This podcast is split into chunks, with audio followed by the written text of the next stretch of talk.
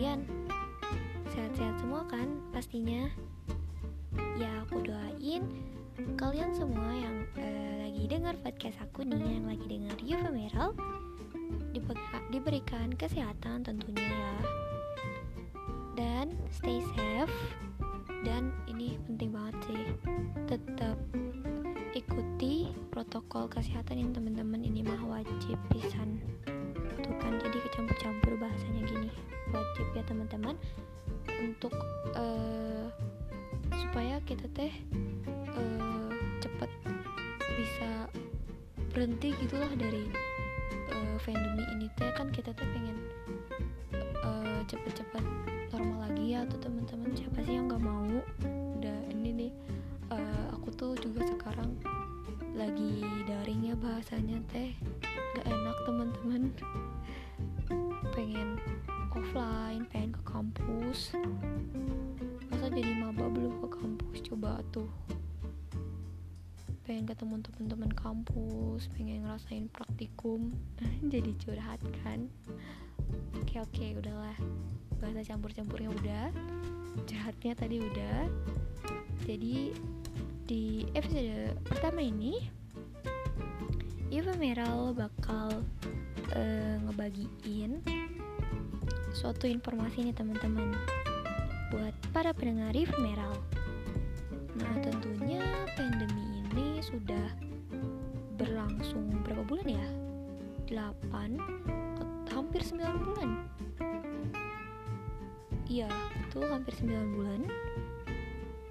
Nah, tentunya nih seperti yang udah aku kata uh, katakan tadi uh, pandemi ini juga selain memberhentikan uh, aktivitas belajar mengajar, uh, aktivitas uh, bekerja dan sebagainya, udah kan kayak dunia tes akan berhenti gitu ya teman-teman, dah keluar lagi itu mah Sundanya, yaudah nggak apa-apa deh ya, supaya ini maklumin aja ya teman-teman.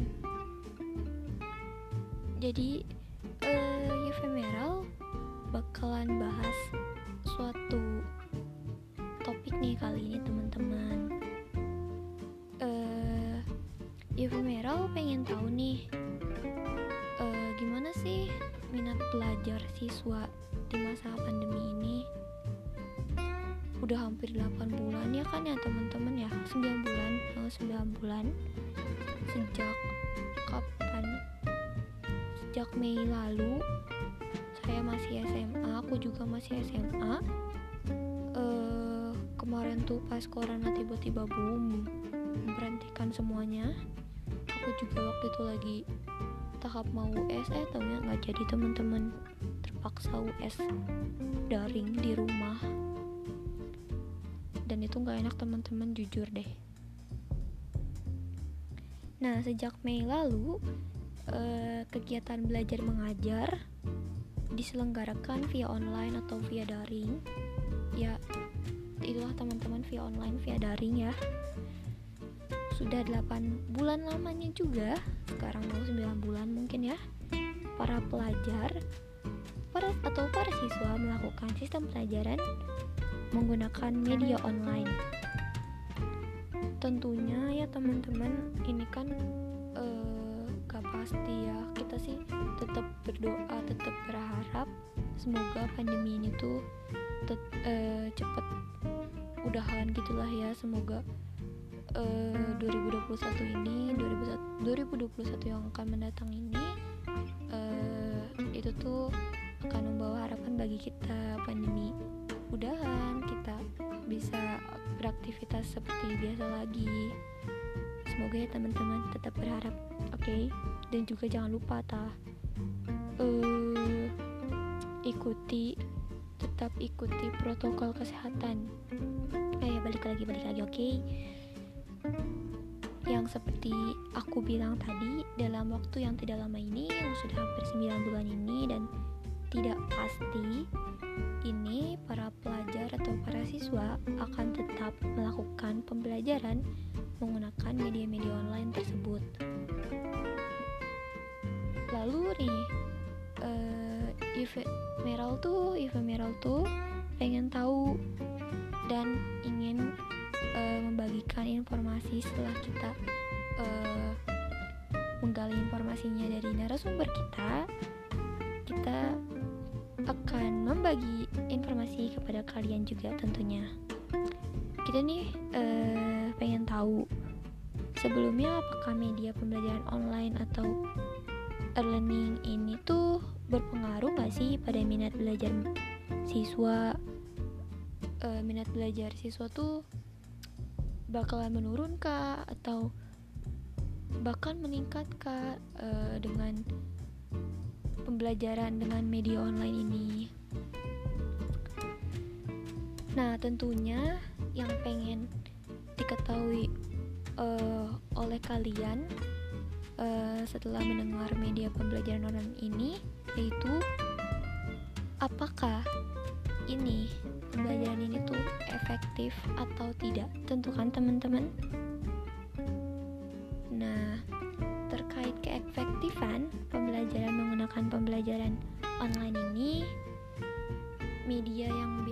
digunakan oleh aku juga ya sebagai termasuk pelajar termasuk mahasiswa yang biasa digunakan tuh Zoom, Google Classroom, tempat pengumpulan pengumpulan tugas itu, WhatsApp group, Gmeet, dan lain sebagainya.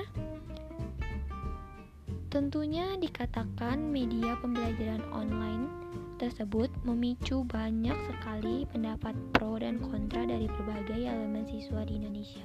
Pastikan teman-teman ada yang uh, setuju nih uh, daring kayak lebih seneng daring daripada offline. Ada yang gak setuju ah enakan uh, offline nggak enak uh, online mah buang-buang uh, kuota gak punya kuota dan sebagainya kan ya. Banyak banget pro kontranya lebih cenderung banyak yang berpendapat bahwa media pembelajaran online kurang membantu siswa untuk memahami materi yang diberikan. Dan tentu juga ada yang berpendapat menggunakan media pembelajaran online bisa mempermudah untuk belajar kapan pun dan di mana pun yang kita mau. Ini sih salah satu poin plusnya ya kalau menurut uh, pribadi aku sendiri uh, kita kalau misalkan lagi mood langsung belajar gitu kan enak. Kapan pun dan di mana pun bisa langsung akses materi. Ya gak teman-teman.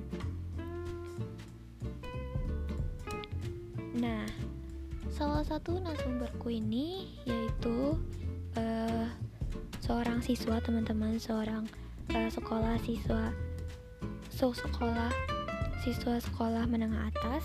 Aduh fabulit ya teman-teman. Maaf ini lidah aku balelol gini. Nah menurut Rindi salah satu narasumber aku ini uh, dia berujar ya pembelajaran daring gini jujur bikin gue nggak paham sama materi yang diberikan. Uh, Wind Rindi merupakan uh, sekolah menengah siswa sekolah menengah atas ya ampun kan bayo lagi teman-teman maafin ya. Uh, dia berujar kepada saya seperti itu uh, melalui via zoom meeting pada uh, Sabtu lalu.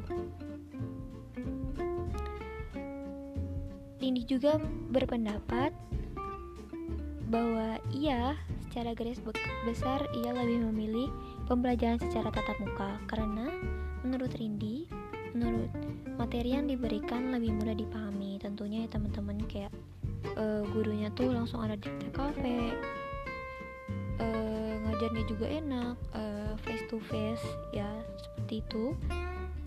Nah di lain itu juga pastikan ada pendapat sebaliknya ya teman-teman. Ada siswa yang lebih menyukai pembelajaran secara tetap muka dan juga ada siswa yang sebaliknya.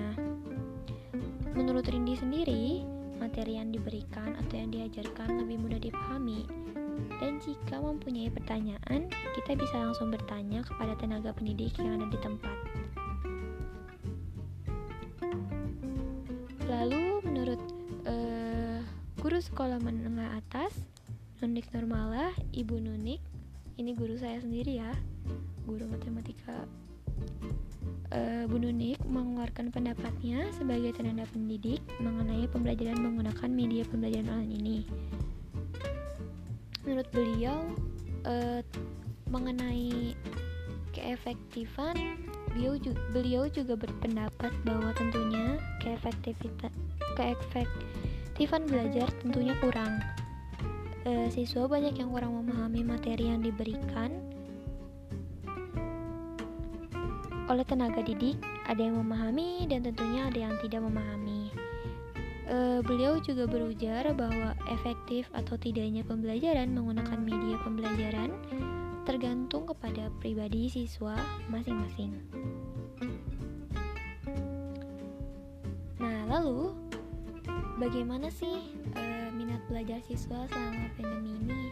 Nah, tentunya ini e, topik utama yang akan kita bahas di podcast uh, perdana aku ini di episode pertama aku, perdana aku ini. Pembelajaran online di saat pandemik ini tentunya tidak menutup kemungkinan mempengaruhi minat belajar siswa kan teman-teman. Ada yang mena ada yang meningkat, ada yang menurun. Didukung oleh faktor yang sudah memulai terbiasa di rumah hingga mulai merasa bosan dengan pembelajaran online, bahkan menggunakan beragam media pembelajaran yang diberikan sekalipun. Menurut uh, Ibu Nunik, uh, beliau uh, berujar seperti ini. Satu yang tidak bisa dihindari, rasa malas. Via Zoom meeting pada minggu tanggal 6 lalu. Menurut Ibu Nunik, para tenaga didik juga tidak bisa memungkiri bahwa para siswa pastinya akan merasa bosan dengan pembelajaran online seperti ini. Bahkan menggunakan media yang beragam sekalipun, para tenaga didik sudah bisa memprediksi akan terjadinya situasi menurunnya minat belajar siswa. Para tenaga didik mengusahakan memberi materi atau metode belajar yang mengasihkan dengan memberikan materi berupa video yang menggunakan animasi atau ilustrasi agar menjaga minat belajar para siswa jadi tuh para guru tuh tetap mengusahakan ya pastinya ya teman-teman untuk meningkatkan minat belajar siswa. Siswa tentunya banyak yang merasakan minat belajarnya kian hari kian menurun.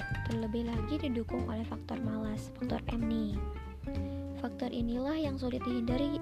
Kembali lagi kepada pribadi siswanya masing-masing yang tentunya teman-teman. Apakah mereka dapat melawan rasa malas atau kalah dengan rasa malas tersebut seperti halnya dengan penuturan Ibu Nunik bahwa rasa malas sulit dihindari, disetujui oleh Rindi nih. Rindi berkata bahwa tidak bisa dipungkiri bahwasannya faktor malas mendominasi di saat mengikuti pembelajaran online selama ini dan sempat membuat minat belajarnya menurun. Menurut aku sendiri ya teman-teman, kita bisa melawan rasa malas tersebut dengan mengatasinya dengan metode atau kebiasaan kita sendiri. Seperti halnya nih Rindi. Yang dilakukan oleh Rindi belajar sembari mendengarkan musik dapat meningkatkan minat belajarnya. Menurun atau meningkatnya minat belajar siswa tergantung kepada pribadi siswa itu sendiri ya yang sudah aku ucapkan berulang kali tadi di awal juga. Terlebih lagi rasa malas apakah siswa itu bisa melawan rasa malasnya atau malah membiarkan rasa malas mendominasinya. Dengan menggunakan metode belajar yang bisa diterapkan bisa membantu menaik, menaikkan minat belajar.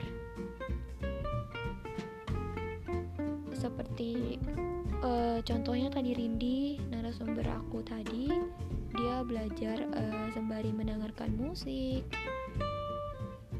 itu membantunya menaik, uh, meningkatkan belajarnya. Nah, kesimpulannya kembali lagi kepada uh, pribadi siswanya masing-masing ya teman-teman. Apakah ia bisa melawan rasa malasnya atau malah uh, membiarkan uh, rasa malas mendominasinya. Harapan kita semua tentunya bisa beraktivitas seperti semula. Kegiatan belajar dan mengajar secara tatap muka tentunya jauh lebih bisa tercapai dalam situasi seperti ini juga kita harus tetap bisa memanfaatkan waktu dengan tetap berharap kembali situasi seperti semula. Tentunya uh, tidak hanya untuk kegiatan belajar mengajar, semuanya ya teman-teman aktivitas offline uh, agar segera kembali seperti normal, seperti semula ya teman-teman. Jadi uh, segitu saja untuk episode pertama aku ini perdana banget nih ya uh, ingat ya teman-teman tetap stay safe tetap ikuti uh, protokol kesehatan. Semoga kalian-kalian para pendengar Yofumeral uh, diberikan kesehatan. Sehat-sehat semua deh pokoknya teman-teman. Oke sekian ya dari aku.